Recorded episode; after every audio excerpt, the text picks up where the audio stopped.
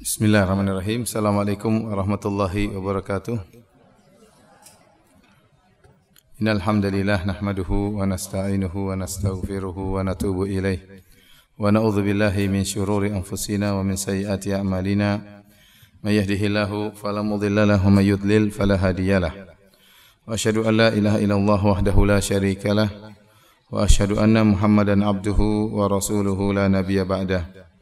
يا أيها الذين آمنوا اتقوا الله حق تقاته ولا تموتن إلا وأنتم مسلمون فإن أصدق الحديث كتاب الله وخير الهدى هدى محمد صلى الله عليه وسلم وشر الأمور محدثاتها وكل محدثة بدعة وكل بدعة ضلالة وكل ضلالة في النار Ibu sekalian dan bapak yang dirahmati oleh Allah Subhanahu wa taala, puji dan syukur kita panjatkan kepada Allah Subhanahu wa taala yang masih memberikan kita kehidupan, mengembalikan nyawa kita sehingga tadi pagi kita bisa bangun untuk bisa melaksanakan ibadah kepada Allah Subhanahu wa taala.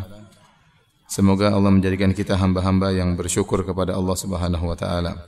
Salawat dan salam semoga tercurahkan selalu kepada junjungan kita Nabi Muhammad sallallahu alaihi wasallam dan juga kepada keluarganya serta seluruh sahabat beliau tanpa terkecuali. Uh, pada kesempatan kali ini kita akan bahas adalah bab ketujuh yang judulnya minasyirki lubsul halaqati wal khayti wa nahwihima li raf'il bala au daf'ihi. Di antara kesyirikan adalah menggunakan gelang atau tali atau yang semisalnya untuk menghilangkan bala atau untuk menolak bala. Ya.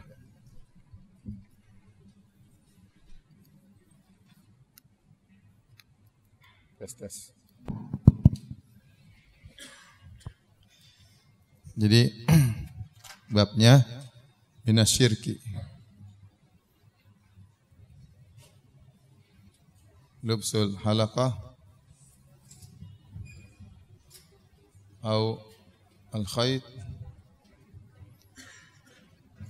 liraf'il bala atau daf'ihi. Bahasa Indonesianya termasuk kesyirikan.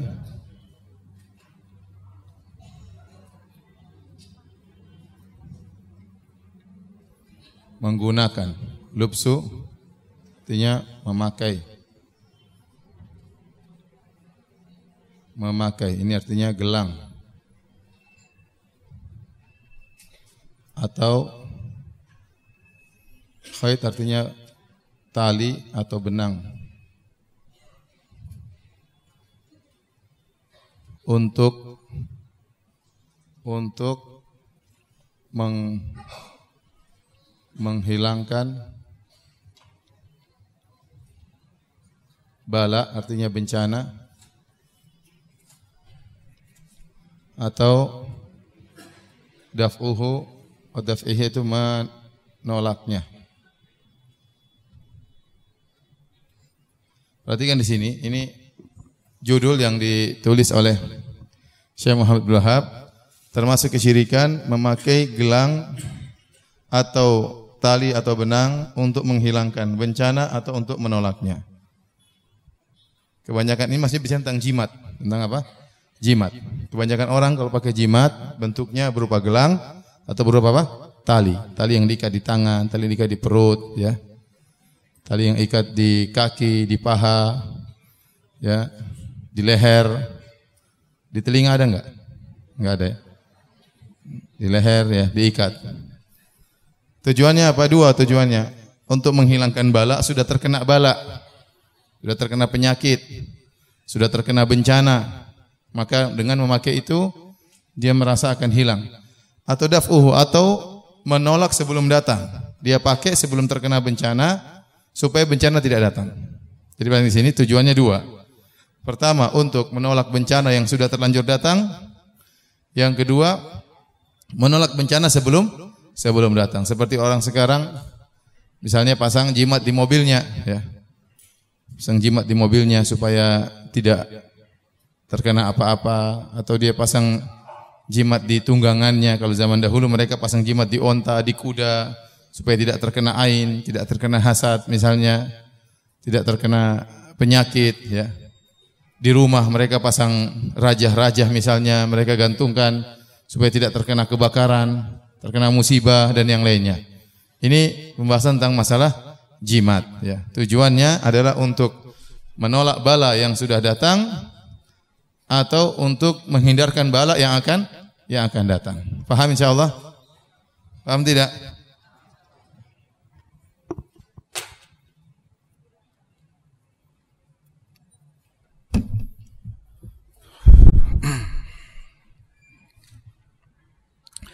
Taib. Ibu-ibu dan bapak yang dirahmati oleh Allah Subhanahu wa taala. Pembahasan ini kadang-kadang kita ter, terbetik dalam hati kita pembahasannya sepele, ya. Tapi kalau kita lihat kenyataan masyarakat di tanah air kita, ternyata pembahasannya tidak tidak sepele. Masih banyak orang yang pakai jimat.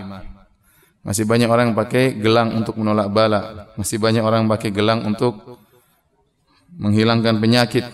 Dan itu masih banyak. Kemarin waktu saya ngisi di Lombok ya, ada yang bertanya, "Ustaz, bagaimana saya pakai jimat ada foto tuan guru ya?" Jadi mereka pasang jimat, foto tuan gurunya dilipat dimasukkan di jimat, tadi pakai di pinggangnya, ya. Tadi pakai di motornya terkadang, tadi pakai di tangannya dan itu mereka lakukan. Dan saya lihat sendiri bahwasanya mau tuan guru mau kiai ya datang kadang di rumah dipasang. Ya, itu ada keyakinan. Keyakinan dengan dipasang foto kiai tersebut atau tuan guru tersebut, rumah ini akan berkah atau menolak bala ya. Setannya mungkin enggak berani masuk lihat fotonya ya. ya. Pelaris dan mereka pasang juga di eh, toko-toko, uh, di di kios-kios, di warung-warung mereka pasang ya. Padahal mereka tidak kasih royalti sama tuan gurunya ya.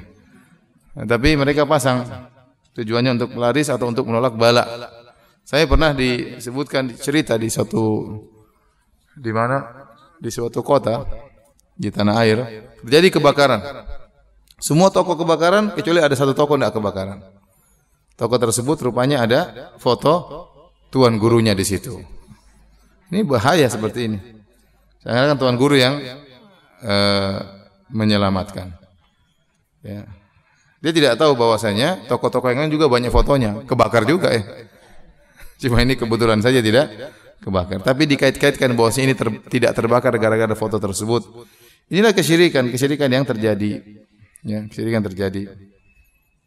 Karenanya sangat mengerikan nih. Belum kesyirikan yang lain ya. Seperti memberi sajen buat arwah ya.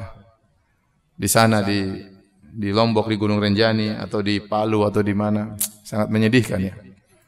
Kesyirikan masih banyak terjadi. Oleh karenanya jangan terpedaya dengan perkataan sebagian orang bahwasanya dakwah tauhid adalah dakwah yang sudah kuno, tidak kuno. Sampai sekarang masih banyak orang terjerumus dalam kesyirikan. Masih banyak orang yang berpemahaman liberal. Dan itu bertentangan dengan tauhid. Masih banyak orang yang kejawen, masih banyak tidak? Masih banyak. Masih banyak.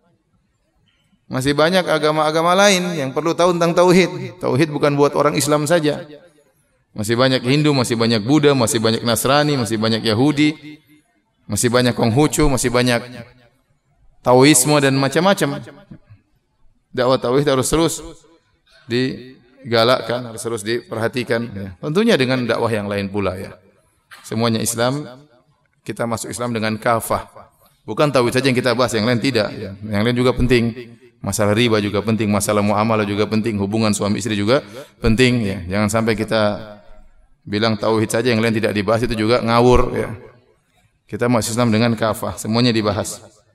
Semuanya dibahas, ada spesialis masing masing-masing.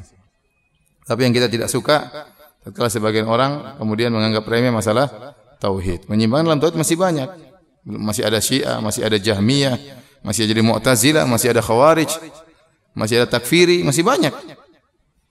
Maka pembahasan tauhid tetap perlu untuk kita perhatikan masalah akidah, ya. Lagi saya dengar kemarin di YouTube ada seorang pujangga atau budayawan ya, yang kemudian bela sajian-sajian. Katanya, sajian apa masalahnya katanya? Sajian enggak apa-apa. Subhanallah. Itu yang bilang syirik-syirik suuzan saja. Gimana suuzan? Yang jelas sajian taruh buat ruh, sajian taruh buat dewa, jelas kok. Syirik itu. Dia gampangkan masalah syirik. Ini budaya, ini Nusantara, ini apa apa kacau semua. Ya.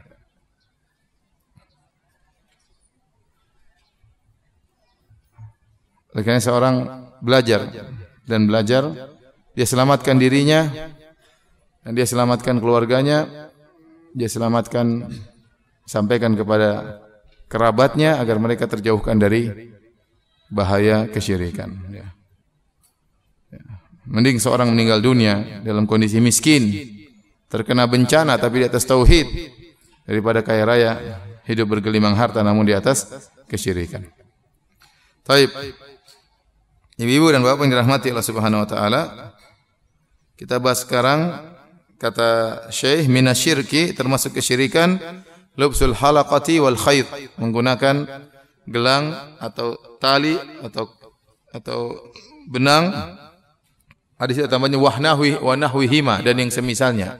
Saya kurang di situ ada tulisan wa nahwihima. Jadi Kata beliau sini wa nahwihima. Itu yang semisal keduanya. Maksudnya apa? Syekh ingin menjelaskan bosnya yang namanya jimat itu bukan cuma gelang, bukan cuma apa? Tali. Yang semisal keduanya banyak. Jadi jimat itu suatu yang digantung, suatu yang dipasang, suatu yang ditempelkan, Tujuannya adalah untuk menghilangkan bala yang sudah menimpa atau untuk menolak bala sebelum apa? Sebelum datang. Itu semuanya adalah kesyirikan. Itu adalah semua jimat. Oleh jimat mencakup apa saja. Bisa jadi uh, tadi keris dijadikan jimat. Orang punya keris taruh di rumahnya. Dia tidak gantungkan, tapi dia punya keyakinan kalau dia ada keris itu dia akan apa? Aman. Itu jimat namanya. Ya. Atau misalnya tadi dia uh, menggantungkan foto tadi, foto gurunya. Dia gantungkan di rumahnya dengan keyakinan dengan ada foto tersebut, balak tidak akan masuk, setan tidak akan masuk ya. Maka sama, itu juga adalah jimat. Ya, dan ini mencakup semua yang digantungkan satu yang ditempel. Yang penting tujuannya ini untuk menolak bala atau untuk jangan saya bala itu datang. Apa pun bentuknya. Ya. Tapi di antara bentuk jimat yang lain apa? Pakai apa? Susuk bukan, susuk dia bukan jimat, dia mempercantik. Mempercantik, dia sihir lain. Susuk itu mempercantik, memperindah, ya, mempermudah, mempersyirik.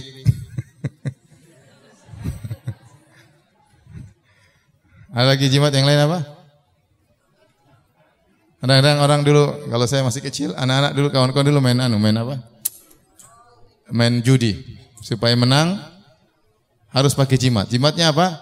Saya masih kecil dulu, masih kecil di Papua ya. Di Papua pun ada jimat ya. Maka kita cari saya juga ikut cari ya.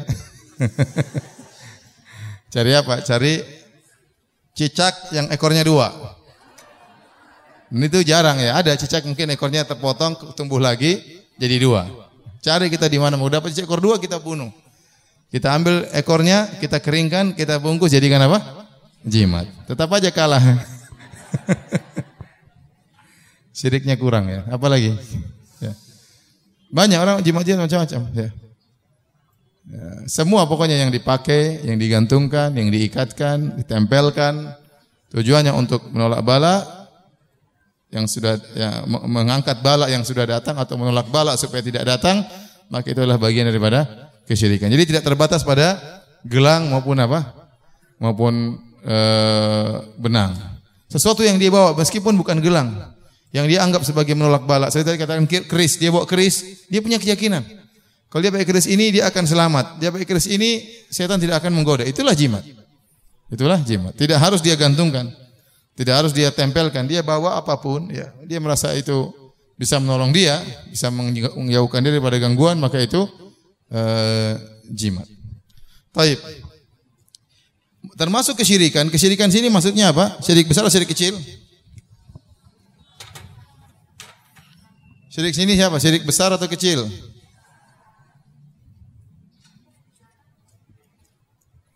Uh, pakai jimat syirik besar atau syirik kecil? Syirik pakai jimat itu syirik kecil. Hukum asal, hukum asal, hukum asal, jimat adalah apa? Syirik kecil. Kenapa? Karena kebanyakan orang tatkala pakai jimat, dia menganggap jimat hanya sebagai sebab.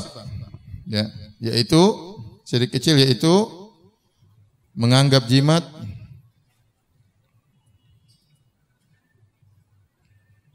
hanya sebagai sebab. Hanya sebagai sebab. Dan ini inilah keyakinan kebanyakan orang. Keyakinan kebanyakan orang.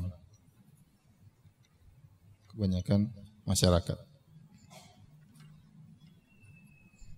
Ini syirik kecil. Syirik kecil. Bisa menjadi syirik besar. Kapan syirik besar? Besar jika meyakini jimat itulah yang meyakini jimat itulah jimat tersebut langsung punya pengaruh.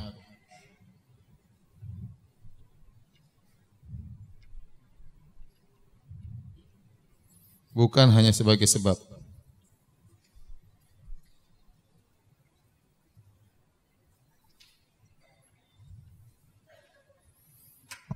Uh, kalau kita tanya masyarakat, kebanyakan masyarakat yang mereka yakini ini, yaitu bahwasanya jimat itu hanya sebagai sebab. Kata mereka kita yakin Allah Subhanahu wa taala yang akan menolak bala, Allah yang akan menghilangkan bencana.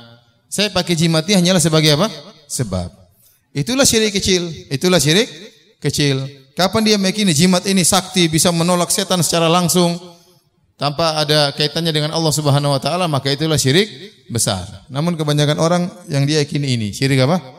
Syirik kecil. Namun saya ingatkan, tatkala kita menamakan itu syirik kecil bukan dia berarti dosa kecil. Saya sering sampaikan, dibedakan syirik kecil syirik besar bukan berarti syirik tersebut dosa kecil. Tetapi untuk membedakan bahwasanya syirik kecil itu tidak membuat orang kekal dalam neraka jahanam. Adapun syirik besar membuat orang kekal dalam neraka jahanam. Ini sama seperti Syariat membagi kufur kecil, kufur akbar. Kufur kecil itu bukan berarti dosa kecil, dia dosa besar. Cuma dinamakan kufur kecil untuk menjelaskan orang yang terjerumus dalam kufur kecil ini dia tidak keluar dari Islam dan dia tidak kekal dalam neraka jahanam. Sama nifak kecil, nifak akbar. Nifak asgor, nifak akbar. Nifak akbar itu nifak akidah, keyakinan. Ingkar kepada syariat Islam, ingkar kepada Nabi sallallahu alaihi wasallam dia KTP-nya Islam. Itu syirik, itu kekufuran nifak akbar. Nifak kecil seperti suka berdusta, suka mengingkari janji, idza haddatsa kadzaba wa idza wa'ada akhlafa wa idza tumina khan. Kalau dikasih amanah selalu berkhianat. Itu bukan dosa kecil, dosa besar itu. Tetapi dinamakan nifak kecil untuk membedakan dia dengan nifak apa? Besar. Jadi saya ulangi penamaan nifak kecil, nifak asgor, syirik asgor, kufur asgor itu bukan berarti nifak kemudian syirik dan kufuran itu dosa-dosa kecil. Bukan. Dia semuanya dosa besar, cuma untuk membedakan ada yang lebih besar daripada itu yang berbahaya yang buat orang kekal dalam neraka jahanam, yaitu nifak akbar, syirik akbar sama kufur apa? Akbar. Nah, jimat ini dosa bukan dosa kecil, dia dosa besar, tetapi dia termasuk syirik apa? Kecil. Paham tidak ibu-ibu? Saya ragu-ragu ibu nih. Ibu paham tidak? Karena ibu-ibu banyak yang lemot ya. Kalau udah hitung-hitungan baru cepat biasanya hitung-hitung belanjaan ya. Saya ulangi, ibu-ibu paham atau tidak? Coba apa? Apa yang dipahami? Apa yang dipahami apa? Bahwasanya Coba satu orang maju nih, coba. Hmm, itu tunjuk-tunjukkan sekarang nggak berani. Coba. Sini ya sini.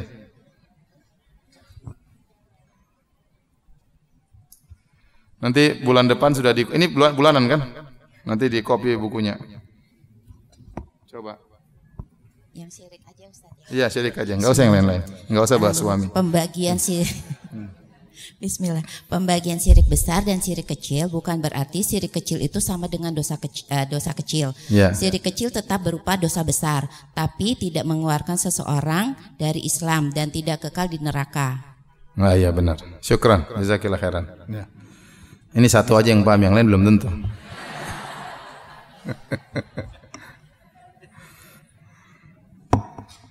Tayyib.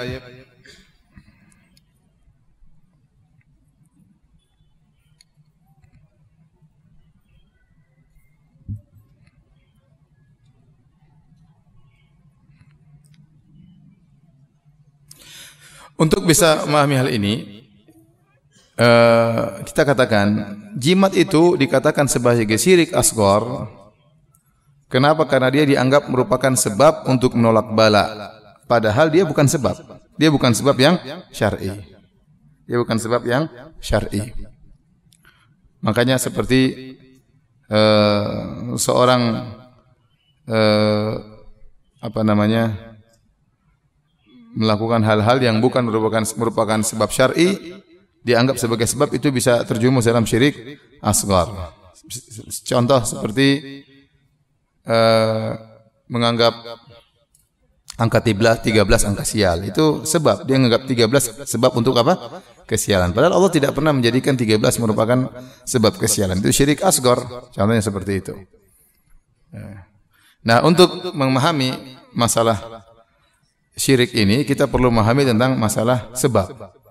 Karena di sana ada orang-orang yang menyimpang tentang memahami masalah sebab ya. Ah, tolong dihapus.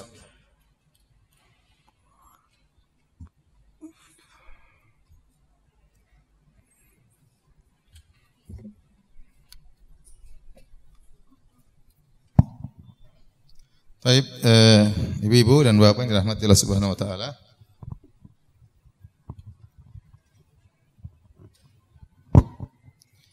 Kita akan bicara tentang sebab ya.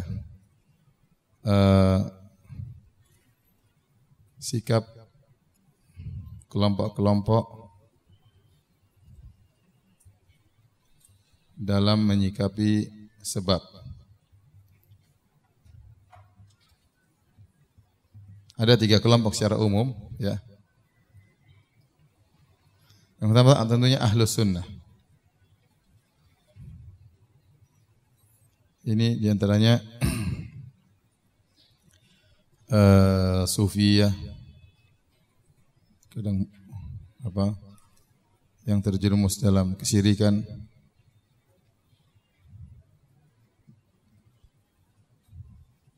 atau ngajil.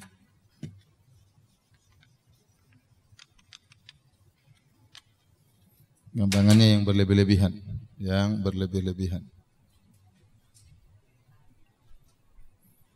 Yang ketiga, penolak sebab.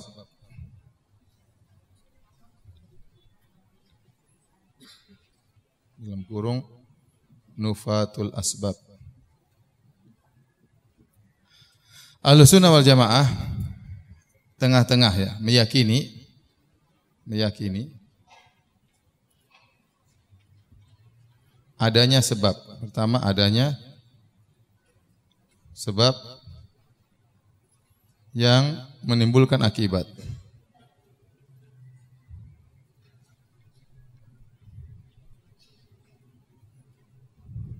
Tetapi yang menentukan akibat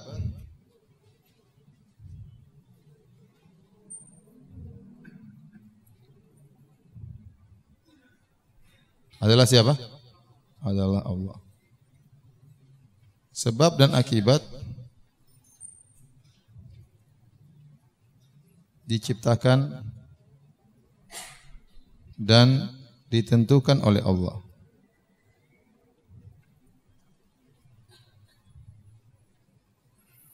Yang sebab akibat inilah yang senang dikenal sebab sebab akibat inilah yang sering dikenal dengan kenal dengan sunnatullah.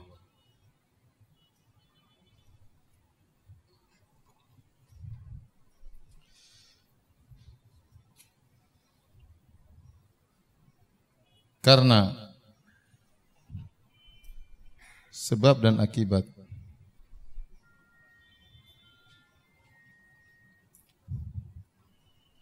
yang atur adalah Allah. Maka jika Allah berkehendak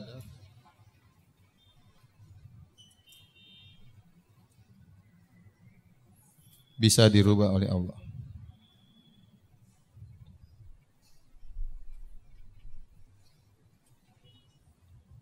Baik.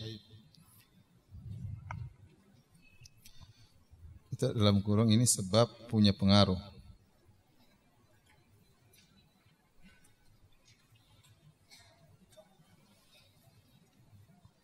Sekarang kita ingin menjelaskan tentang akidah sunnah tentang masalah sebab.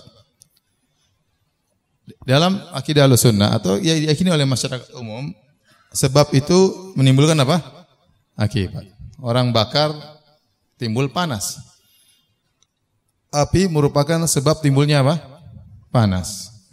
Berarti api punya pengaruh timbulnya panas atau tidak? Ya punya pengaruh. E, makanan menimbulkan kenyang. Sebab makan maka menjadi apa? Kenyang. Maka makanan itu punya pengaruh untuk menimbulkan apa? Rasa kenyang. Tetapi Ahlussunnah meyakini yang menentukan akibat adalah Allah Subhanahu wa taala. Betapa sering orang melakukan sebab namun tidak timbul akibat. Contoh, orang berobat. Obat merupakan sebab untuk timbulnya apa? Kesembuhan. Tetapi tidak sembuh. Tidak sembuh. Kenapa? Karena akibatnya tidak diberikan oleh Allah Subhanahu wa taala. Sebagai kita yakin bahwa seluruh akibat adalah kehendak Allah Subhanahu sebab hanyalah sebab. Namun yang menentukan kepastian akibat adalah siapa? Allah Subhanahu wa taala. Dan kita yakini juga bahwasanya sebab dan akibat diciptakan oleh Allah Subhanahu wa taala. Allah yang menentukan sebab, Allah yang menentukan apa? Akibat. Nah, sebab dan akibat ini yang sering dikenal dengan sunnatullah, ya. Sunnatullah bahwasanya kalau nanya api akan membakar. Sunnatullah bahwasanya eh, air akan membasahi. Sunnatullah kalau orang eh, bertakwa akan diberi kebahagiaan. Demikian, ini namanya sunnatullah berlaku. Sunatullah bahwasanya orang bermaksiat akan diberikan kegelisahan. Ini namanya sebab akibat ini Allah jalankan di alam semesta ini ini aturan Allah. Namanya sunnah sunatullah, ya. Nah, tatkala kita tahu sebab dan akibat yang atur adalah Allah, maka jika Allah berkehendak bisa dirubah oleh Allah Subhanahu wa taala. Aturan tersebut bisa dirubah dan itu terkadang disebut dengan mukjizat. Sebut dengan apa? Mukjizat.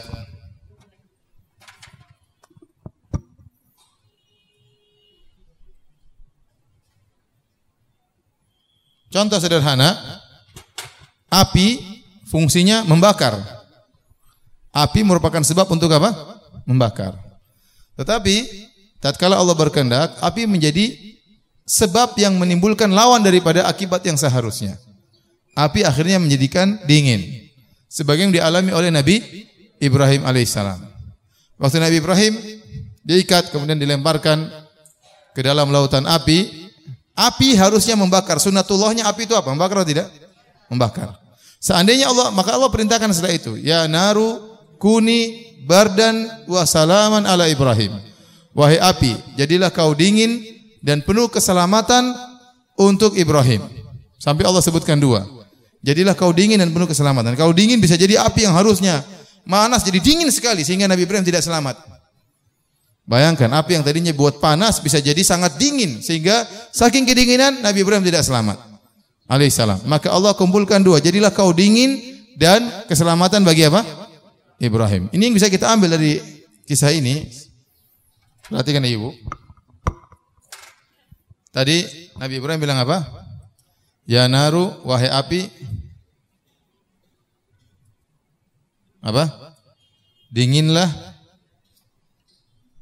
dan keselamatan bagi siapa? Ibrahim alaihissalam. Bagi Ibrahim alaihissalam. Ini faedah yang bisa kita ambil. Pertama, asalnya api apa? Api membakar. Sesuai dengan sunatullah. Sunatullah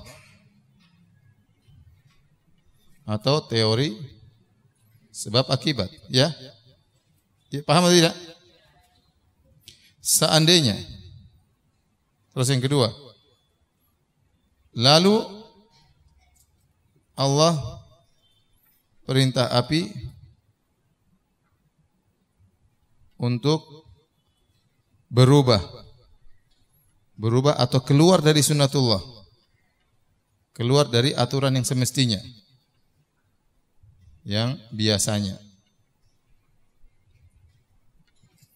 Bahkan api api menimbulkan sesuatu yang sangat dingin.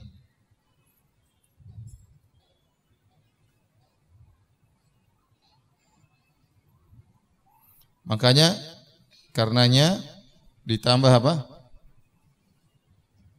Tambah keselamatan. Keselamatan. Baik. Pada yang ketiga, seandainya seandainya Allah tidak perintah maka api apa?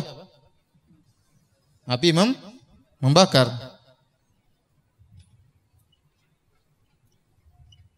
Maka api akan membakar. Berarti api itu sebab untuk apa? Membakar. Paham ini? Paham tidak? Ibu-ibu lemot atau paham? Tatkala Allah berfirman, "Wahai api dinginlah engkau dan jadilah keselamatan bagi Ibrahim." Ada berapa yang bisa kita ambil? Kita mengatakan asalnya api membakar. Sesuai dengan sunnatullah, teori sebab akibat. Paham? Kita lihat yang, yang faedah ketiga. Seandainya Allah tidak perintah, maka api akan apa? Membakar. Berarti Allah api punya pengaruh atau tidak? Berarti api itu berpengaruh Api berpengaruh untuk membakar. Ini kenapa saya perlu tekan ini? Karena kita akan bantah orang-orang Asy'ariyah. Antum antum harus pahami dulu sebentar dengan baik.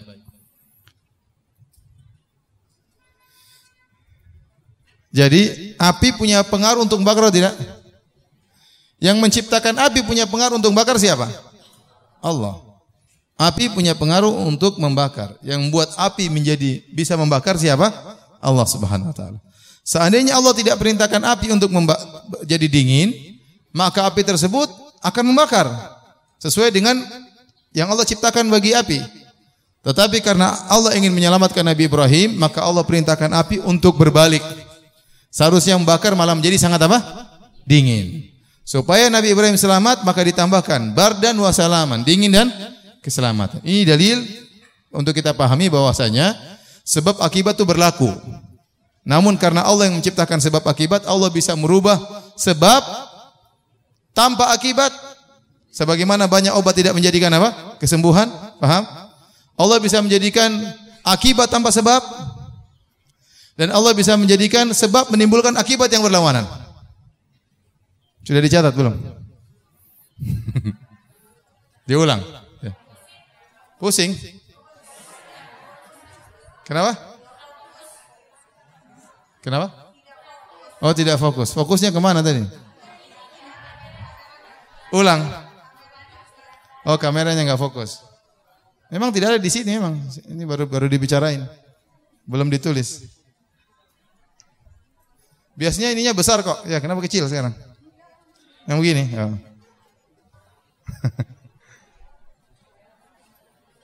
Sudah ibu, saya ulangi. Saya ulangi.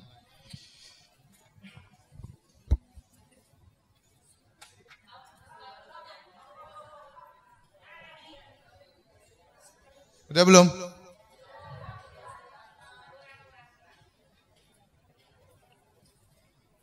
Perhatikan sini. Karena sebab yang akibat yang atur adalah Allah, maka jika Allah berkehendak bisa dirubah oleh Allah. Maka ini bisa menimbulkan berbagai kemungkinan. Pertama, sebab tanpa akibat. Yang kedua, akibat tanpa sebab. Yang ketiga, sebab menimbulkan akibat yang berlawan, akibat yang berbalik.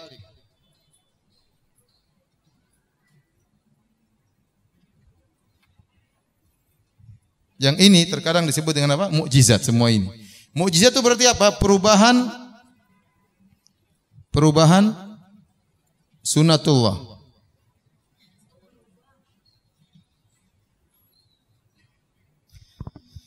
Kita sudah yakini bahwasanya sebab dan akibat diciptakan siapa? Allah. Karena yang ciptakan Allah, maka Allah bisa menjadikan sebab tidak menimbulkan akibat. Contoh, sebab tanpa akibat. Banyak orang menikah, nikah harusnya menimbulkan anak. Suaminya tidak ada masalah, istrinya tidak ada masalah. Tapi setelah berhubungan berulang-ulang tidak bisa hamil. Ini terjadi sampai ada seorang menikah, sampai 18 tahun dia menikah. Saya dengar ini pertanyaan di Masjidil Haram. Seorang menikah 18 tahun tidak punya anak. Akhirnya mereka cerai. Yang satu nikah punya anak, yang satu menikah punya anak lagi. Subhanallah. Mereka gabung berdua tidak bisa punya anak. Sebab tanpa akibat. Sebab tanpa akibat. Ya. Bisa. Allah berkehendak sebab tanpa akibat. Banyak obat-obat. Obat ini harusnya menyembuhkan, tapi ternyata tidak sembuh. Dokter terkadang terlalu pede, ini sembuh-sembuh ternyata tidak tidak sembuh. Ya. Kenapa Allah cabut akibat dari sebab tertentu? Itu terserah Allah Subhanahu wa taala. Contoh terkadang akibat tambah sebab. Akibat tambah sebab. Dan ini banyak ya. Tahu-tahu orang diberi rezeki tambah sebab. Dia tidak melakukan apa tahu dapat rezeki ya. Tahu-tahu dikasih orang, tahu-tahu apa, tahu-tahu apa banyak. Ya. Contoh Nabi Adam alaihissalam lahir tanpa diciptakan tanpa ayah dan ibu. Contoh Nabi Isa alaihissalam lahir tanpa sebab adanya pernikahan. Ada akibat Allah ciptakan tanpa apa? Sebab. Bisa Allah ciptakan akibat tanpa sebab. Ya. Contoh lagi seperti Nabi Musa alaihissalam. Kata Allah Subhanahu wa taala, "Wa idz qultum ya Musa ya wa idz istasqa Musa liqaumihi faqulna drib bi asakal hajar." Famfajarat minhu 12 aina. Qad alima kullu unasin mashrabahum. Kulu washrabu min rizqillahi wa la ta'thaw fil ardi mufsidin dalam surat Al-Baqarah. Tatkala kalian yaitu orang kaumnya Nabi Musa minta agar minta air dari Musa. Mereka berjalan di tengah perjalanan, mereka kehausan, tidak ada sungai, tidak ada sumber air, tidak ada mata air. Mereka bilang Musa minta air sama Allah. Nabi Musa berdoa. Maka kemudian Allah berikan mukjizat. Allah mengatakan pukulkan tongkatmu kepada batu. Waktu batu dipukul langsung keluar 12 keran air. Batu gini bulat ada kerannya 12. Enggak ada saluran airnya. Enggak ada sumber airnya. Orang-orang Bani Israel ke mana-mana bawa batu itu. Kalau haus tinggal buka apa? Keran. Bisa keluar air tanpa sebab. Dari mana airnya datang? Enggak tahu. Nabi SAW bisa keluar air dari jarinya. Dari mana? Enggak ada, enggak ada sebab sini enggak ada saluran air. Itu namanya akibat tambah apa? Sebab. Akibat tambah sebab. Karena Allah yang itu namanya mukjizat. Sama seperti sebab justru membuat akibat yang berbalik. Sebab membuat akibat yang berbalik. Contohnya tadi api. Api harusnya membakar, Allah berkehendak menimbulkan sebab yang terbalik justru membuat apa? Dingin. Dan ini merupakan bukti bahwasanya ada yang mengatur alam semesta. Tatkala dia mengatur alam semesta, dia bisa merubah alam semesta tersebut. Makanya waktu Nabi Ibrahim alaihissalam berdebat sama orang yang mengaku Tuhan Raja Namrud, ya, Alam taro ila alladhi haja Ibrahim fi rabbih an atahu Allahul mulk. Idh qala Ibrahim rabbi alladhi yuhyi wa yumit. Qala ana uhyi wa umit. Qala Ibrahim fa inna Allah ya'ti bisyamsi minal masyriq fa'ti biha minal maghrib fabuhita alladhi kafar. Kata Allah tidak akan kau lihat. Tatkala Nabi Ibrahim berdialog dengan orang yang mengaku sebagai Tuhan. Ya. Kata Ibrahim, Robku menghidupkan dan mematikan. Kata orang ini, saya juga bisa menghidupkan dan matikan. Wih, bukan cuma Tuhanmu, saya juga bisa menghidupkan dan matikan. Kalau kau punya Tuhan, saya juga Tuhan. Mana buktinya menghidupkan matikan? Kata dia, gampang. Dia ambil panggil dua orang yang di penjara, dua-duanya difonis mati.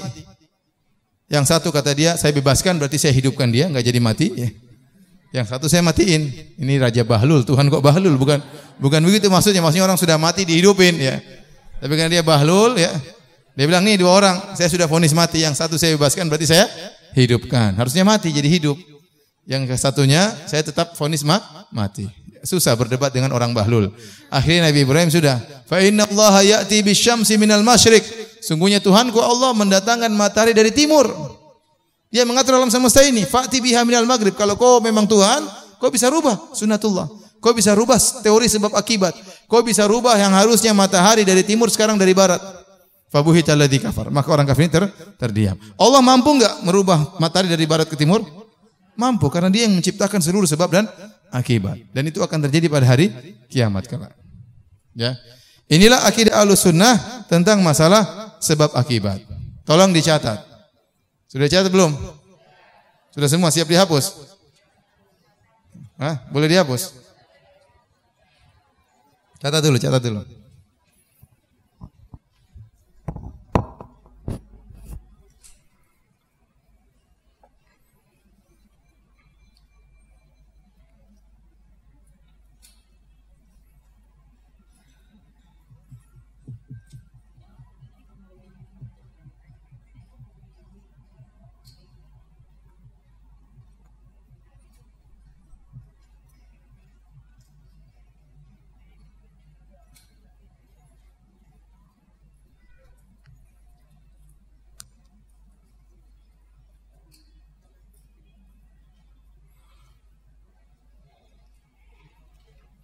Sudah difoto? Sudah ya? Hmm? Satu orang foto di share. Ya. Jangan cuma share masakan dan minuman dan dompet dan sepatu ya. Share juga pengajian ya. Ibu bukan suka share itu. Share tas.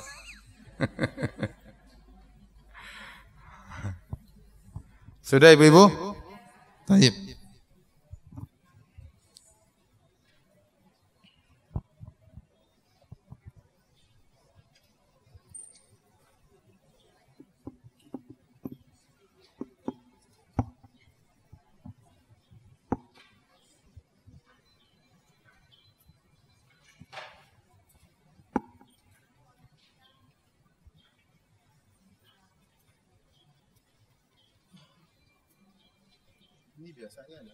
Plastiknya biasanya. Enggak, sudah di, sudah ya? Sudah.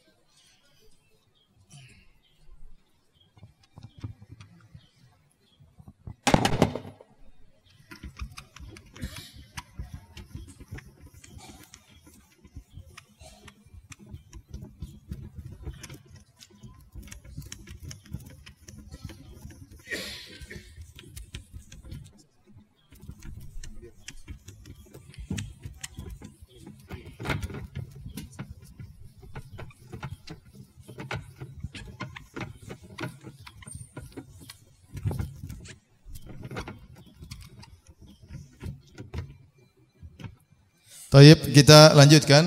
Ibu-ibu yang dirahmati oleh Allah Subhanahu wa taala. Semoga ibu-ibu menjadi istri-istri yang solehah. Masuk surga semuanya ya. Jadi bidadari di surga. Jangan jadi bidadari di gua hantu ya. Taib. Sebab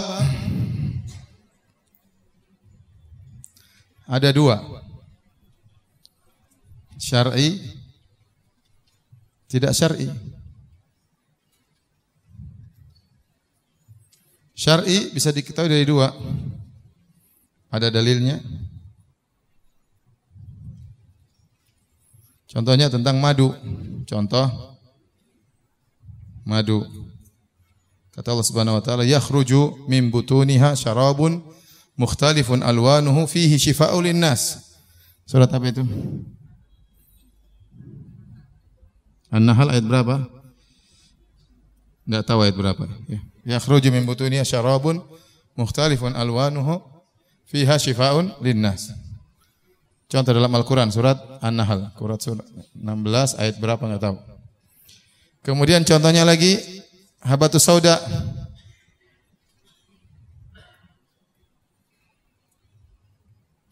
Habatus sauda syifaun likulli da. Obat bagi siapa? Penyakit. Ini dalil bahwasanya eh, madu dan habbat soda adalah sebab untuk obat. Dalilnya kita tahu secara syar'i ada dalilnya. Yang kedua dengan bukti praktek.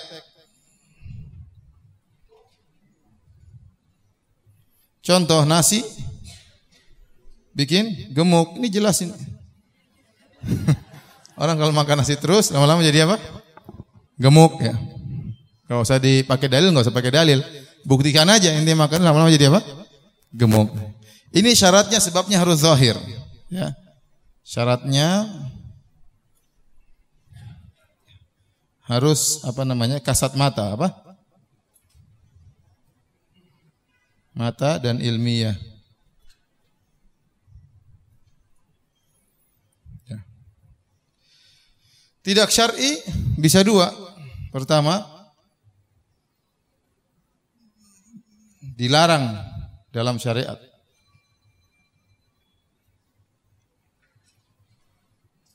Banyak contohnya dukun. Dukun, ini sebab bisa barang bisa ketemu. Bisa barang hilang bisa apa? Ketemu. Buktinya benar, ada dukun yang cari barang hilang bisa apa? Ketemu bisa. Ke dukun. Ya. Bisa bikin orang sakit. Benar, dia pelet orang tersebut, dia santet orang tersebut, orang tersebut saya sakit. Terjadi, ada sebab apa? Akibat. Tapi dilarang dalam apa? Syariat. Judi bisa bikin kaya mendadak, ada manfaatnya. Ya, khamar bir bisa juga ya. Ada manfaatnya. Yas'alunaka 'anil khamri wal maisir kata Allah Subhanahu wa taala. Mereka bertanya kepada engkau tentang al khamr wal maisir dalam surat Al-Baqarah ayat berapa itu? Kul fihi ma ithmun kabirun wa manafi'u nas wa ithmuhuma akbaru min naf'ihima. Kata Allah mereka bertanya kepada engkau tentang khamar dan perjudian. Katakanlah bahwasanya keduanya itu ya ada dosa dan ada manfaat-manfaat. Ada manfaat-manfaat. Wa ithmuhuma akbaru min naf'ihima. Tetapi dosanya lebih besar daripada manfaatnya. Berarti Allah menetapkan dalam Al-Qur'an judi ada manfaatnya. Khamar juga ada manfaatnya. Bayangkan orang punya hutang, tahu-tahu main judi menang. Manfaat atau tidak? Manfaat, hutang jadi lunas. Orang tadinya stres macam-macam minum khamar hilang stresnya. Ya meskipun beberapa saat stres kembali, tetapi ya untuk menghilangkan stres dia minum apa? Khamar. Ada ada kelezatan dia rasakan. Ada stres hilang. Berarti ada manfaatnya, tapi ini semua dilarang dalam syariat. Dilarang dalam syariat. Dukun ada manfaatnya. Ya, babi ada manfaatnya. Babi banyak manfaatnya. Contoh apa? Babi. Ada babi manfaatnya banyak, buat enzim lah, buat anu lah, buat inilah, buat tas, buat macam-macam. Bulu babinya bisa buat apa? Kuas kue, ya tidak? Banyak babi itu manfaatnya. Ya. Ada manfaat-manfaatnya maksud saya, ada manfaat-manfaatnya. Tapi dilarang atau tidak? Dilarang. Dia punya sebab tapi tidak tapi dilarang dalam syariat. Tentu ada hikmah yang Allah kehendaki. Dia merupakan sebab namun tidak syar'i. Yang kedua, uh, hanya apa namanya waham, hanya apa namanya prasangka, hanya prasangka tanpa ada bukti ilmiah.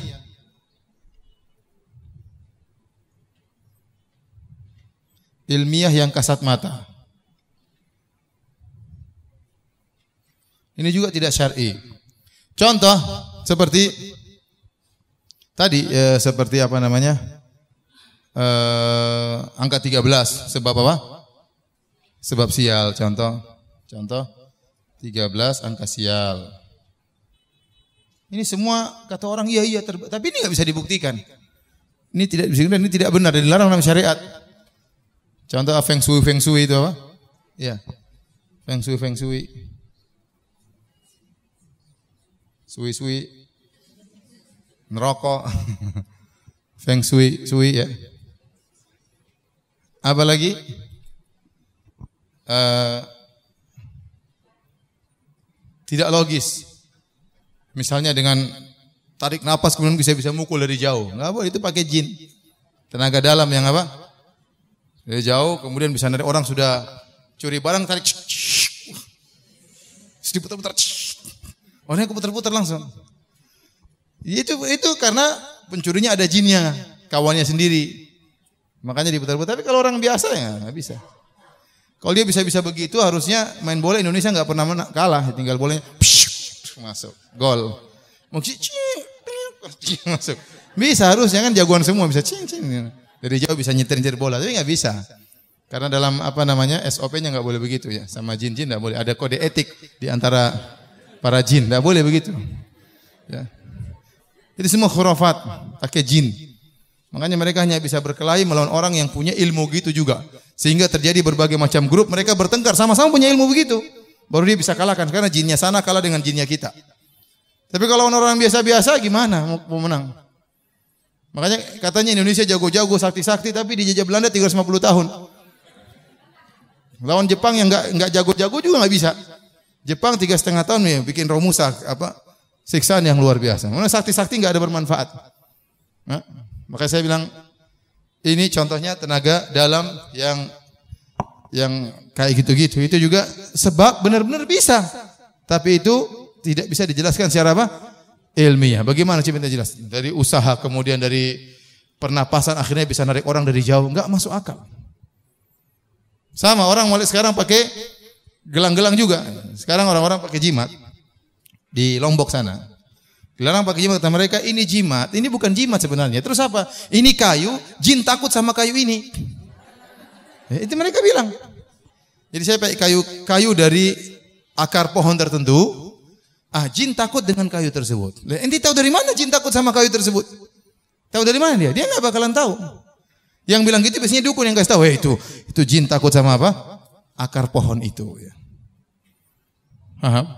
Jadi intinya saya ingin menyampaikan, tidak semua sebab yang menimbulkan akibat lantas boleh. Apalagi sebab yang tidak menimbulkan apa? Akibat. Kesimpulannya,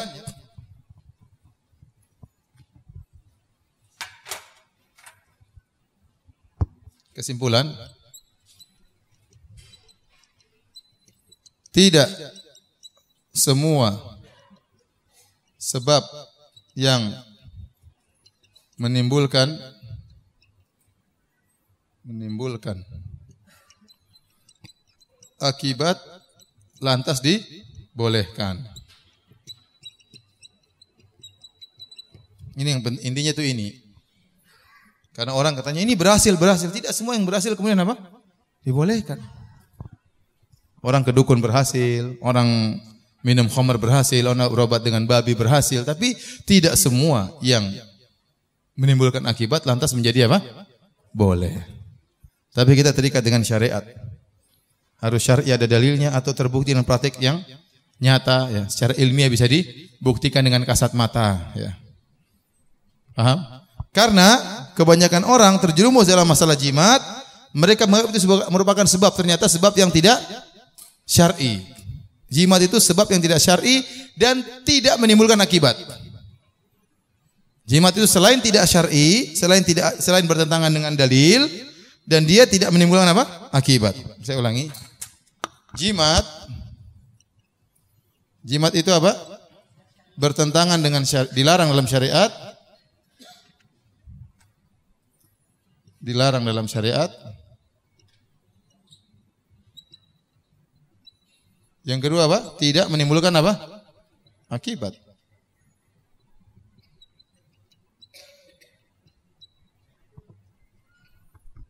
Apa hubungannya? Cicak ekor dua kemudian menang dalam judi. Enggak ada hubungannya. Dan itu sudah dibuktikan oleh kawan-kawan, tetap aja kalah ya.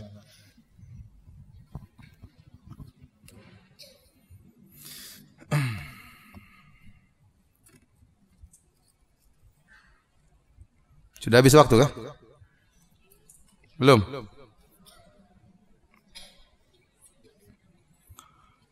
Taib kalau sudah difoto terus dihapus. Hapus tunggunya, hapusnya tunggu, difoto dulu.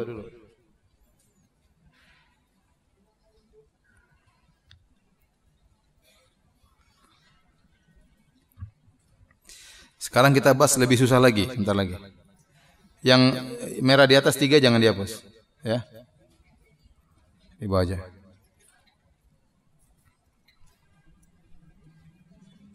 Bapak-bapak maju sedikit biar yang di belakang bisa. Lagi pula sudah mau selesai.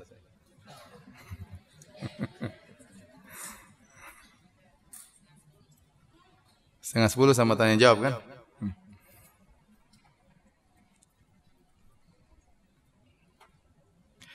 Taib. Jadi itu secara sederhana tentang uh, sebab dan akibat menurut siapa? Ahlus Ahlus Sunnah wal Jamaah. Ya. Dan banyak dalam Al-Quran Allah menyebutkan tentang bahwasanya sebab menimbulkan akibat. Sekarang kita akan bahas tentang kelompok dua yang lain, yaitu kelompok penolak sebab di antara Asy'ariyah dan juga uh, kelompok yang berlebih-lebihan dalam sebab. Contohnya orang musyrikin, ya. orang musyrikin ya, mereka berlebih-lebihan dalam menetapkan sebab. Ya tadi yaitu orang-orang orang-orang yang pakai jimat. Mereka anggap jimat-jimat itu merupakan apa? Sebab. Padahal bukan apa? Sebab. Ya. Semua contoh yang yang apa? Kasih sajen, sajen-sajen. Ini juga menetapkan sebab dengan sajen ini maka akan gini-gini. Semuanya ini syirik. Dan itu menetapkan suatu yang bukan sebab menjadi apa? Sebab. Berlebih-lebihan dalam masalah sebab. Contoh batu Quran yang ada di Pandeglang. Eh, barang siapa yang keliling tawaf tujuh kali, maka akan dikabulkan apa? Doanya. Sama, ini juga bukan sebab. Mana sebab muter-muter tujuh kali kemudian doanya dikabulkan. Kalau di Ka'bah iya. Jadi batu Quran bagaimana ya? Jadi mereka cerita bahwasanya batu Quran ini asalnya ada seorang wali yang dia uh, pergi haji, kemudian dia pulang ketinggalan pesawat atau eh, enggak pesawat, ketinggalan kapal zaman dahulu kala, zaman bahala. Kemudian karena dia terlambat kapal, akhirnya dia lewat di bawah tanah. Lewat bawah tanah dari Mekah, kemudian sampai ke Pandeglang, dia keluar waktu dia eh, dia masuk di sumur Zam-Zam, masuk sumur Zam-Zam. Kemudian dia sampai akhirnya keluar air zam-zam, akhirnya ikut keluar juga karena lewat bolongan dari Mekah sampai ke Pandeglang ya. Air zam-zam ikut keluar. Air zam-zam ikut keluar. Ini saya berdasarkan cerita sebagai seorang ustadz di sana. Dia ada yang meyakini demikian. Waktu air zam-zam itu keluar, khawatir air zam-zam di Mekah surut, akhirnya dia tutup pakai Quran. Pakai Quran, Quran tersebut akhirnya berubah menjadi batu. Namanya batu Quran. Akhirnya mereka yakini kalau putar tujuh kali, akhirnya bisa dikabulkan doanya. Contoh ini berlebih-lebihan. Gimana kemudian orang putar jadi doa dikabulkan? Ya. Ini semua khurafat. Ya. Ini khurafat. Dan banyak seperti seperti ini ya. Ini berlebih-lebihan dalam menentukan sebab. Dalam menetapkan sebab.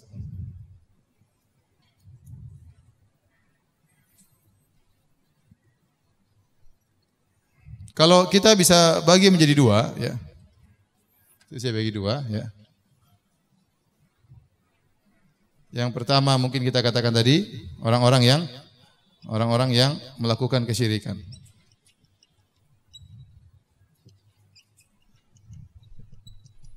Tadi pemakai jimat, ya, sajen, batu Quran,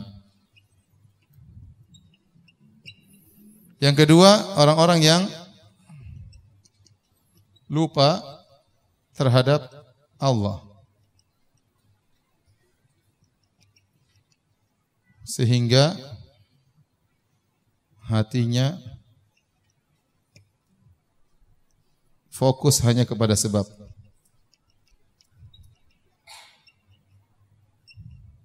Dia lupa bahwasanya yang menentukan akibat adalah siapa?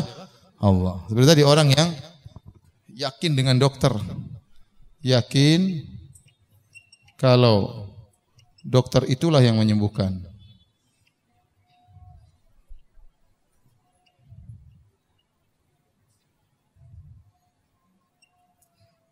Contoh, contoh sederhana aja. Kalau enggak dokter itu enggak sembuh, ya itu namanya berlebihan terhadap dokter. Dia lupa bosnya menyembuhkan siapa? Allah Subhanahu wa taala. Taib, ini insya Allah dipahami. Sekarang menolak sebab. Ini adalah kaum Jabariyah. Kaum Jabariyah.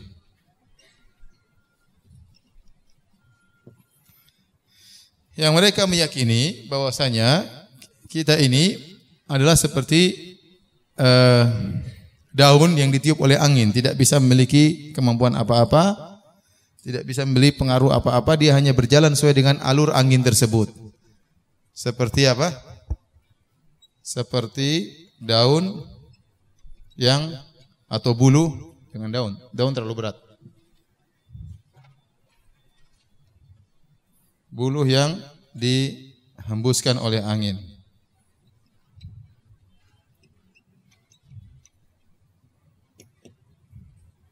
Tidak punya pengaruh apa pun. Pun hanya ikut angin. Hanya ikut angin.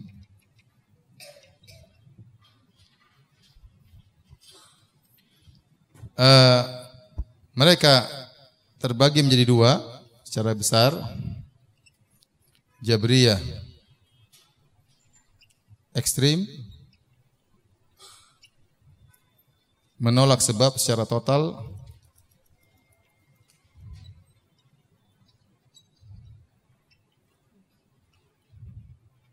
Kemudian Jabriyah Asy'ariyah ya, menetapkan sebab sebab namun sebab tersebut tidak punya pengaruh. Yang mereka sebut dengan kudrah ghairu mu'athirah.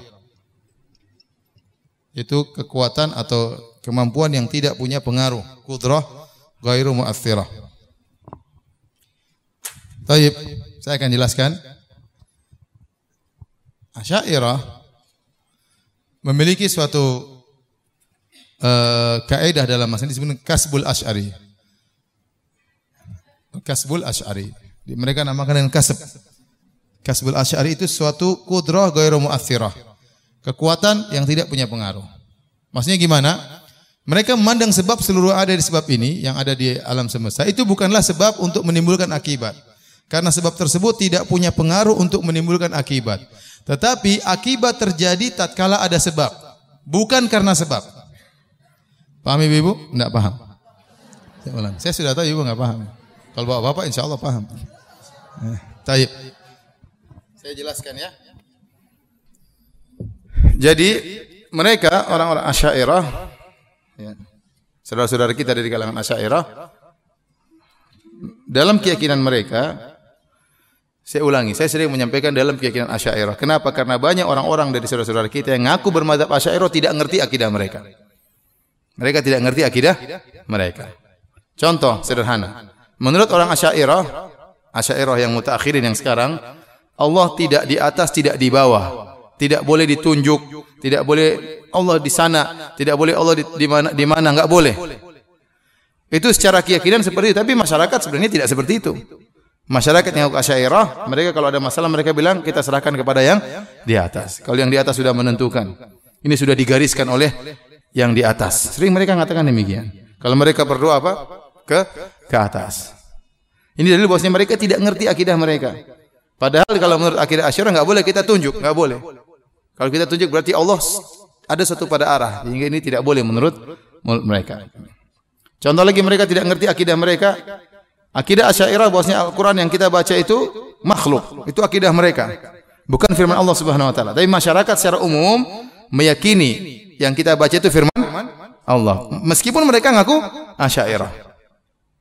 Padahal akidah mereka ngawur, menyimpang dalam hal ini. Ini menyimpang dalam hal ini. Makanya waktu saya sempat beredar viral sebagian video saya dan saya bantah bentuk berupa tulisan. Ya, mereka juga mungkin kaget ternyata ulama Asy'ariyah menganggap Al-Qur'an yang kita baca ini apa? Makhluk bukan firman Allah. Itu berbahaya, itu akidah yang sangat menyimpang. Namun banyak orang Asy'ariyah tidak ngerti. Di antaranya masalah ini, masalah sebab dan akibat. Menurut orang-orang Asy'ariyah, namanya sebab itu bukanlah menimbulkan akibat, tetapi sebab itu akibat itu muncul tatkala ada sebab, bukan karena sebab. Saya ulangi, akibat itu muncul tatkala ada sebab, bukan karena sebab. Contohnya apa? Contohnya musim dingin di bulan Desember. Bulan Desember bukan merupakan sebab munculnya musim dingin, tapi musim dingin munculnya tatkala bulan Desember. Paham di sini? Paham? Aduh, heng. Saya ulangi. Mereka menganggap tidak ada sebab yang menimbulkan akibat. Sebab itu ada tapi hanya sekedar kiasan sebab itu ada tapi dia ghairu muathirah, tidak menimbulkan akibat. Tidak punya pengaruh tetap akan adanya akibat. Tetapi sebab itu hanya alamat, tanda munculnya akibat, bukan sebab untuk menimbulkan akibat. Contoh, kapan musim dingin, musim salju, misalnya bulan apa? Desember. Nah, bulan Desember itu bukan sebab munculnya salju. Tetapi musim salju terjadi di bulan Desember. Nah, bulan Desember itu namanya sebab menurut mereka, bukan sumber timbulnya salju. Paham? Contohnya pelangi. Pelangi itu tanda adanya apa? Hujan. Tapi pelangi bukan sebab munculnya hujan. Hujan itu muncul tatkala ada pelangi atau pelangi muncul tatkala ada hujan. Jadi pelangi itu sebab namun bukan akibat menimbulkan apa? Hujan, tetapi hanya sekedar tanda. Itu menurut mereka. Menurut mereka, sehingga mereka mengatakan seandainya ada orang memegang pisau, kemudian memotong roti, maka roti tersebut terbelah bukan karena tajamnya pisau. Bukan, tetapi roti terbulu, ter, tersebut terbelah tatkala pisau digerakkan. Pisau ini tidak punya kemampuan untuk membelah apa? Roti. Tetapi roti tersebut baru terbelah tatkala pisaunya digerakkan. Ngerti atau tidak? Enggak ngerti. Ini aneh. Kalau antum enggak ngerti wajar karena ini aneh, enggak masuk akal. Oleh karenanya, ulama mereka bernama Al-Juwaini dalam kitabnya An-Nizamiyah, dia membantah habis Asy'ariyah. Dia seorang Asy'ari yang mengkritiki masalah ini. Ini sangat tidak logis, sangat tidak masuk akal. Orang yang berakal tidak akan bisa menerima hal ini. Dia kritik masalah orang-orang apa? Asy'ariyah dalam keyakinan masalah ini. Ya. Karena enggak enggak logis ya. Kalau kita meyakini gampang, pisau sebab untuk merobek, api sebab untuk apa? Membakar. Nah, kenapa mereka punya keyakinan seperti ini? Karena mereka ingin bertauhid. Kata mereka, kalau kita meyakini ada yang menimbulkan sebab selain Allah, maka ini syirik. Semua kejadian akibat itu yang menyebutkan siapa? Yang menentukan siapa? Allah. Maka tidak boleh ada satupun yang menimbulkan akibat kecuali siapa? Allah. Nah kalau mereka bilang pisau menyebabkan roti terbelah berarti syirik. Padahal yang membelah roti adalah siapa? Allah. Kalau Allah sunnah gampang. Iya yang membelah Allah, tapi Allah memberikan kekuatan kepada pisau sebagai sebab untuk membelah? Roti selesai urusan. Apa susahnya? Nah, mereka bikin suatu logika yang aneh, jadi dibahan tertawaan oleh sebagian mereka sini mentertawakan mereka.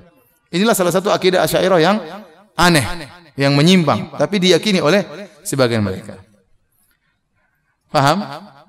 Sampai sini paham? Dan dalam Al-Quran banyak sekali Allah menyebutkan sebab-sebab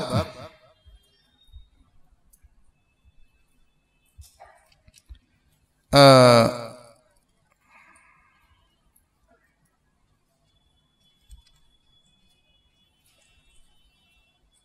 Contoh kata Allah tentang sebab dan akibat. Kata Allah, "Wa may yattaqillaha yaj'al lahu makhraja." Barang siapa bertakwa Allah kasih dia solusi. Berarti takwa merupakan sumber apa?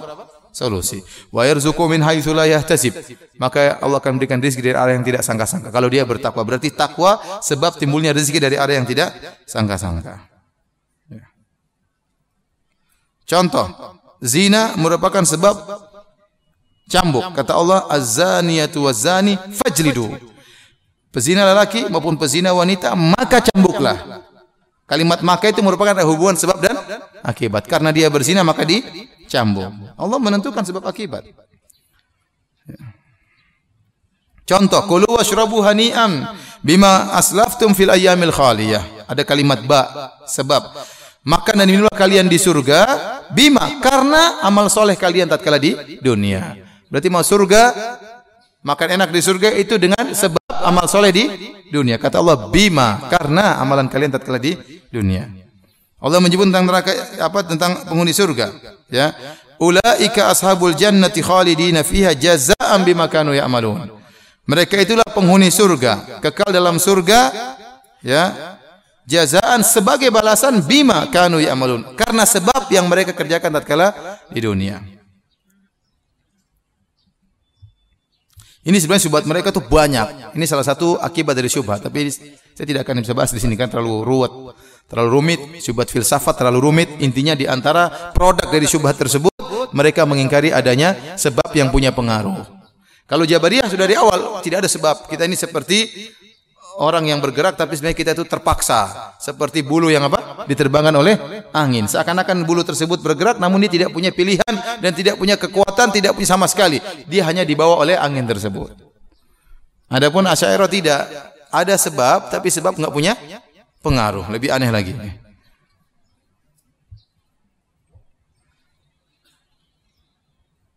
Kenapa mereka tadi menolak sebab? Karena mereka takut terjerumus dalam apa? Syirik. Kata mereka kalau ada yang memberi pengaruh selain Allah maka itu apa? Syirik. Anehnya saya ingin sampaikan ternyata yang make jimat-jimat ini banyak dari kalangan Asy'ariyah yang ngaku Asy'ariyah ya. Yang mereka sudah ngaji tapi di atas madhab Asy'ariyah ternyata mereka yang sering pakai apa? Jimat. Seharusnya orang kalau berpemahaman Asy'ariyah tidak boleh pakai jimat. Karena mereka tahu jimat tidak ada sebab. Harusnya mereka semakin tawakalnya tinggi kepada Allah. Terus ngapain pakai jimat kalau begitu? Saya ulangi. Seharusnya orang bermadhab Asy'ariyah sangat anti terhadap apa? Jimat. Kenapa sangat anti? Bapak-bapak, kenapa sangat anti? Saya ulangi, seharusnya orang berpemahaman Asy'ariyah harusnya sangat anti kepada jimat. Kenapa? Bapak-bapak juga lemot ya. Kenapa ada yang bisa jawab? Hah? Bapak-bapak? Enggak enak sama ibu-ibu. Ibu-ibu kenapa? Harusnya Asy'ariyah menolak jimat kenapa? Karena karena mereka menolak sebab sebagai akibat. Lah kalau sebab tidak bisa akibat, ngapain ente pakai jimat? Harusnya ente tidak pakai jimat. Namun ini dalil bosnya mereka tidak paham tentang akidah mereka sehingga banyak di antaranya pakai jimat. Eh, jimat-jimat yang pakai foto-foto tuan guru, foto-foto kiai, itu kan mereka mengaku bermadhab Asy'ariyah. Sejak kapan foto jadi sebab untuk menolak bala? Dari mana dalilnya? Enggak ada. Apalagi Anda meyakini bahwasanya tidak ada sebab yang menimbulkan apa? Akibat. Paham Ibu? Rahmatillah Subhanahu wa taala, ya. Inilah kejahilan yang tersebar di saudara-saudara kita, ya. Ngaku-ngaku Asy'ariyah tidak ngerti akidah Asy'ariyah. Nuduh-nuduh orang Wahabi Salafi tidak ngerti apa itu akidahnya Salafi. Akidah yang sunnah itu tidak ngerti seperti apa sehingga mereka menolak mencerca apa yang tidak mereka pahami. Taib demikian saja, masih ada 10 menit. Nanti kita lanjutkan lagi insyaallah uh, uh, bulan depan. Kalau mungkin ya. Nanti di kopi bukunya, di kopi bukunya ya. Ada yang pegang jilid dua? Ada yang punya jilid dua? Enggak ada sama sekali. Nanti insyaallah Kemal yang atur ya. Taib. Kalau ada yang bertanya saya persilahkan. Ah, apa? HP, HP. Sama kabelnya sekali. Silakan yang bertanya. Silakan. Ini ada mic, ada mic-nya.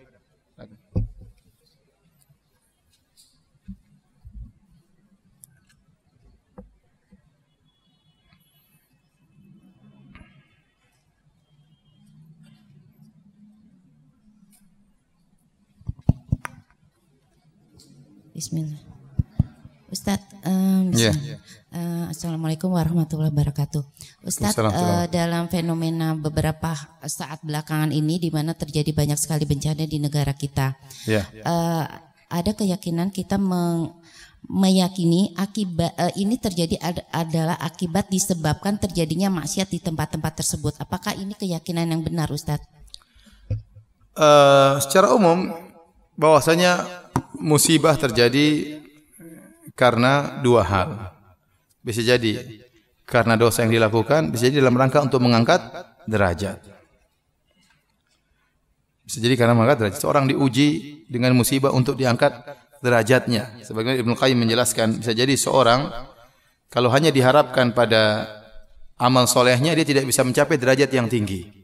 Dia sudah sholat, tapi ini derajat dia belum belum bisa dongkrak dia untuk naik ke surga yang lebih tinggi. Maka Allah kasih musibah, Allah kasih ujian dengan kesabarannya tadi bisa mendongkrak dia kepada surga yang lebih lebih tinggi. Dan ini mungkin kita katakan inilah banyak ujian yang menimpa para nabi, para solihin. Ya.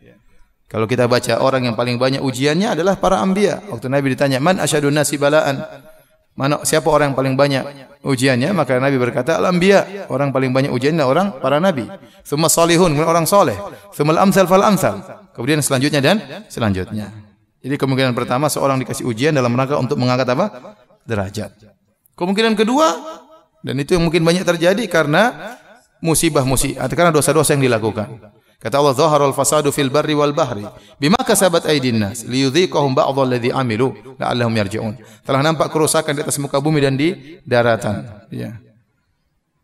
Bima kasabat aydin nas, akibat ulah perbuatan manusia, ya. Liyudhiqahum ba'dha alladhi amilu, Allah melakukan demikian, Allah ciptakan kerusakan tersebut agar mereka merasakan sebagian dari akibat yang mereka lakukan, la'allahum yarji'un, semoga mereka sadar, ya. Ma asaba min musibatin fa bima kasabat aydikum wa ya'fu an katsir. Banyak musibah yang tidak ada satu musibah pun yang menimpa kalian kecuali akibat ulah kalian. Dan Allah mengampuni banyak kesalahan kalian. Seandainya setiap maksiat kita lakukan ada musibahnya kita akan binasa. Seandainya setiap kita maksiat kita ada musibahnya kita akan binasa. Kita aja untuk menjaga menjaga mata saja susah di zaman sekarang ini. Kalau setiap kita ngelihat yang haram, kepala kita kejedut keluar darah, udah mati kita di jalan. Tetapi tidak kata Allah wa ya'fu an katsir. Banyak yang Allah ampuni, tapi Allah kasih teguran-teguran supaya orang itu apa? sadar. Ya. Saya alhamdulillah ya apa namanya? Kita lihat saudara-saudara kita tatkala di Lombok. Ya. Musibah menimpa mereka, gempa, tapi alhamdulillah mereka bisa kembali kepada Allah Subhanahu wa taala. Mereka tegar. Saya kemarin ke sana, ya meskipun rumah mereka runtuh rata dengan tanah, tapi mereka tetap sholat, anak tetap sekolah. Ada dibuat musola sementara, masjid sementara. Masya Allah. Jadi mereka tegar menghadapi semua. Mereka tidak lari dari kampung mereka. Mereka tetap tegar di situ ya. Ya, dan mereka butuh bantuan. Dan saya bilang ini musibah yang mungkin mengangkat derajat mereka ya.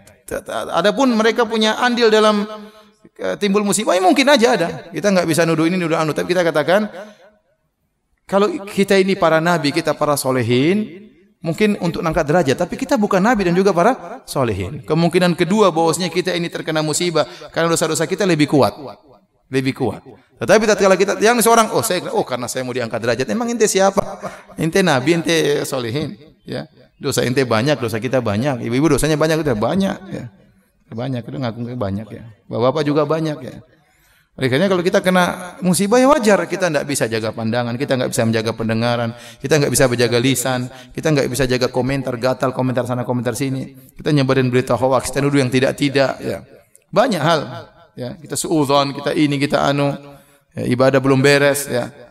Jadi kalau terkena musibah itu wajar. Tapi yang paling penting bagaimana kita menghadapi musibah tersebut. Makanya kalau ada orang sakit kita bilang apa? Tohur insya Allah. Doanya apa? Tohur insya Allah. Tohur itu artinya apa? Semoga kau disucikan dari dosa-dosamu. Makanya dia mengatakan la tasubul humma. Jangan kau mencela humma. Itu demam karena demam itu bisa mengulangi dosa-dosa. Ya. Ya. terkadang orang doa Ustaz semoga sehat selalu. Saya juga tidak ingin sehat selalu ya. Sekali saya, saya sekali sekali saya juga tidak ingin sakit selalu tidak ya.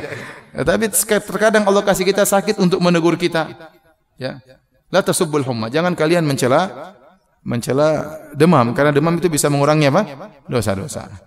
Jadi kalau ada keyakinan bahwasanya musibah menimpa ya karena sebagian dosa-dosa itu benar, itu benar. Tapi bukan berarti orang tidak terkena musibah lebih afdal daripada yang terkena musibah. Ya, betapa banyak orang dikasih istidraj. Sanastadrijuhum min haitsu la ya'lamun. Kami biarkan mereka, tapi mereka sadari. Nanti Allah ya siksa mereka di akhirat. Ke dalam hadis kata Nabi sallallahu alaihi wasallam, "Idza arada Allah bi 'abdihi khairan ajjala lahu al-uqubata fid dunya. Wa idza arada bi 'abdihi syarran amsaka anhu hatta yuwafiya bihi yaumil qiyamah." Jika Allah menghendaki kebaikan bagi seorang hamba, Allah segerakan hukumannya di dunia. Jika Allah menghendaki keburukan bagi seorang hamba, Allah tunda hukumannya dan Allah akan balas di akhirat kelak secara sempurna. Ya. Jadi kita bilang siapa belum tentu dosa-dosa di Jakarta lebih ringan daripada dosa-dosa di Lombok atau di Palu, belum tentu. Kita tidak tahu kenapa tidak ada musibah Jakarta. Ada sebab mungkin ada orang yang berdakwah, mungkin ada orang yang berdoa, mungkin ada hal-hal yang Allah mas, eh, sehingga tidak jadi musibah. Ya. Bukan berarti orang terkena musibah lebih buruk daripada kita. Tetapi musibah terjadi peringatan bagi kita. Karena secara umum tidaklah musibah turun, apalagi bencana yang luar biasa kecuali karena ada dosa-dosa dan kesalahan. Ya. Dosa-dosa dan kesalahan. Dan kita lihat, dengar berbagai macam berita ini karena begini, ini karena begini, ada karena begini. Ya, ya, ya kita hanya bisa berdoa semoga saudara-saudara kita tatkala terkena musibah menjadi apa? Sabar dan semoga Allah mengangkat derajat derajat mereka. Adapun jika menghadapi musibah dengan Eh, maki-maki dengan tidak sabar maka tidak ada faedahnya. Musibah tersebut bisa memperburuk memperburuk mereka semakin menjatuhkan ya derajat mereka di sisi Allah. Maka tugas kita menasihati mereka agar sabar dalam menghadapi musibah dan lebih utama kita segera memberi bantuan kepada kepada mereka. Wallahu alam bisawab.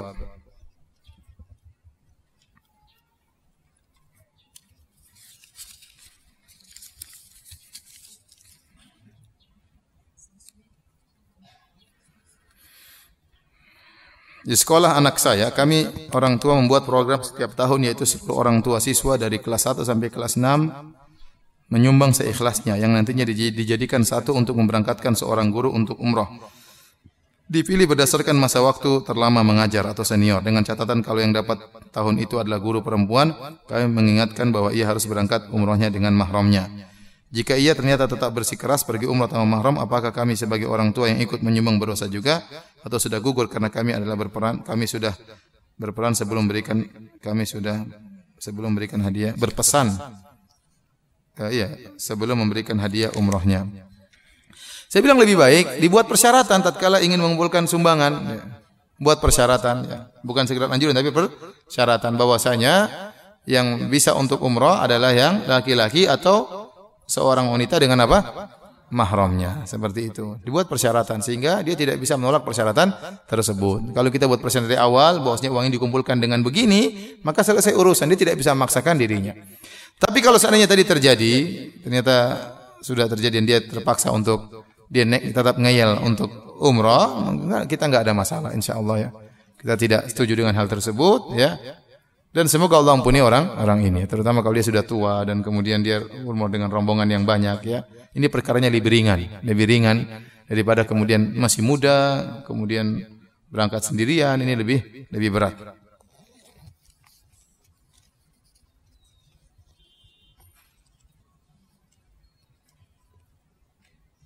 Saya sedang mengobati anak saya yang berkebutuhan khusus ke pengobatan alternatif. Kalau dilihat islami, tetapi setelah itu saya disuruh sholat tasbih dan memberikan foto anak untuk didoakan. Ini bagaimana hukumnya? Apakah termasuk dalam syirikan?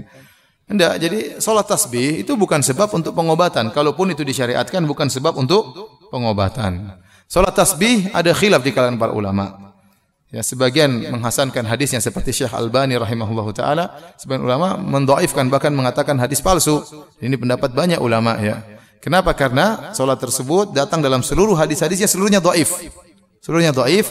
Namun sebagian ulama mengangkat hadis tersebut menjadi hasan karena ini doif yang banyak dengan jalan yang banyak akhirnya terangkat menjadi derajat hasan. Namun sebagian ulama berpandangan lain. Ini doif semua maka ini hadis yang batil tidak benar. Ya. Terutama ini pertama yang sebab yang pertama karena hadisnya semua doif, jalurnya semuanya doif. Yang kedua karena dalam solat tersebut ada hitungan-hitungan. Dan ini tidak biasa dalam solat-solat yang lain. Orang yang solat itu konsentrasi dengan apa yang dia baca. Ya, bukan sibuk dengan jumlah hitungan. Sementara solat tasbih itu ada hitungan berapa puluh, berapa puluh, berapa puluh. Yang ketiga tidak diriwayatkan dari seorang sahabat pun yang melakukan solat tasbih. Selanjutnya berkaitan dengan masalah ini, kalaupun solat tasbih itu syar'i, sebagaimana pendapat Syekh Albani rahimahullah taala, maka dia bukan sebab untuk mengobati penyakit seorang tertentu ya. Ya, ya sebab untuk diampuni dosa-dosa, bukan sebab untuk obat dan yang lainnya.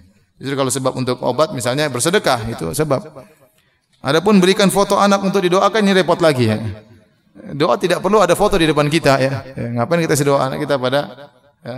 Allah Maha tahu anaknya enggak lihat pun enggak ada masalah. Anaknya ibu itu sedang sakit ya Allah sembuhkan. Enggak perlu ya Allah yang fotonya yang ini ya Allah yang ini loh bukan yang satunya. Ngapain bagi foto ya? Ini repot ya. Nah kalau jin yang harus tahu, ya, jin kamu jangan salah yang ini ya, itu mungkin kalau jin. Kalau Allah Allah Maha tahu segalanya, tidak perlu kita tunjukkan foto kepada Allah Subhanahu wa taala. Saya ragu dengan pengobatan seperti ini.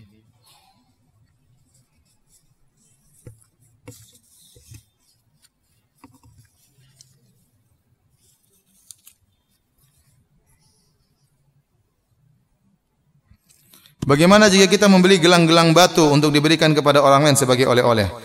Kalau itu gelang hiasan bagi para wanita nggak ada masalah. Yang ini tidak diyakini macam-macam. Ya, wanita gelang mutiara, gelang batu, gelang kerikil, gelang tali, gelang terserah. Orang sekarang ada gelang, rumput, macam-macam orang sekarang. Itu hiasan bagi wanita nggak ada masalah. Wanita memang untuk ber, berhias ya. Tapi jangan sampai diyakini ini rumput dari Papua loh. Ini, ini Papua nih. Ini begini-begini. Nah, itu bahaya kalau begitu. Nanti punya keyakinan-keyakinan tertentu ya.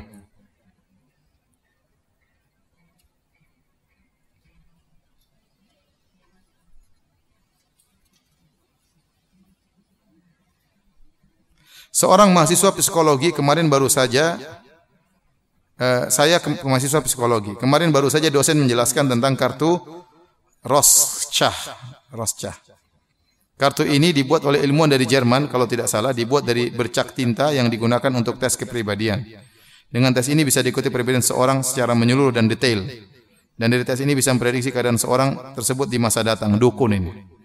Hmm. Taib, kalau saya setelah dites ternyata saya ini orangnya tenang. Ternyata seorang ini penyabar. Terus apa hubungannya saya jadi kaya atau miskin? Tidak ada hubungannya. Betapa banyak orang sabar, penyayang, nggak kaya-kaya. Ya, ya. Apa hubungannya dengan masa depan? Taib kalau dia sekitar sekedar perkiraan bahwasanya dengan cara dia menulis, cara dia menyampaikan, cara dia berbicara, kita bisa mendebak-debak psikologi orang ini, orang ini emosional, orang ini ini ini. Tapi tidak ada hubungannya dengan masa masa depan. Karena orang ini menurut bercak tinta, dia bakalan jadi menteri. Ini dukun asli seperti ini. Gak ada hubungannya, nggak sangat tidak logis. Logis dari mana? Apa kaitannya dengan masa masa depan? Tapi kalau orang ini ah, bahaya, kalau dia punya istri, istrinya bakalan diomelin ya mungkin. Dia logis ya. Emosional sih sih tidak mau kalah. Kasihan istrinya nanti kalau nikah ya bisa jadi. Tapi kalau hubungannya dia bakalan kaya, bakalan miskin, bakalan jadi menteri, mau jadi presiden, ya apa hubungannya? Enggak ada hubungannya. Ini eh, ya begitulah. Dosen ini enggak benar ya. Baik, demikian saja kajian kita. Ibu-ibu dan bapak yang dirahmati Allah Subhanahu wa taala, semoga Allah menganugerahkan keikhlasan pada diri kita dan semoga kita diwafatkan di atas tauhid kepada Allah Subhanahu wa taala, dimasukkan dalam surga tanpa adab dan tanpa hisab. Subhanakallah bihamdik asyhadu alla ilaha illa anta astaghfiruka wa atubu. Assalamualaikum warahmatullahi wabarakatuh.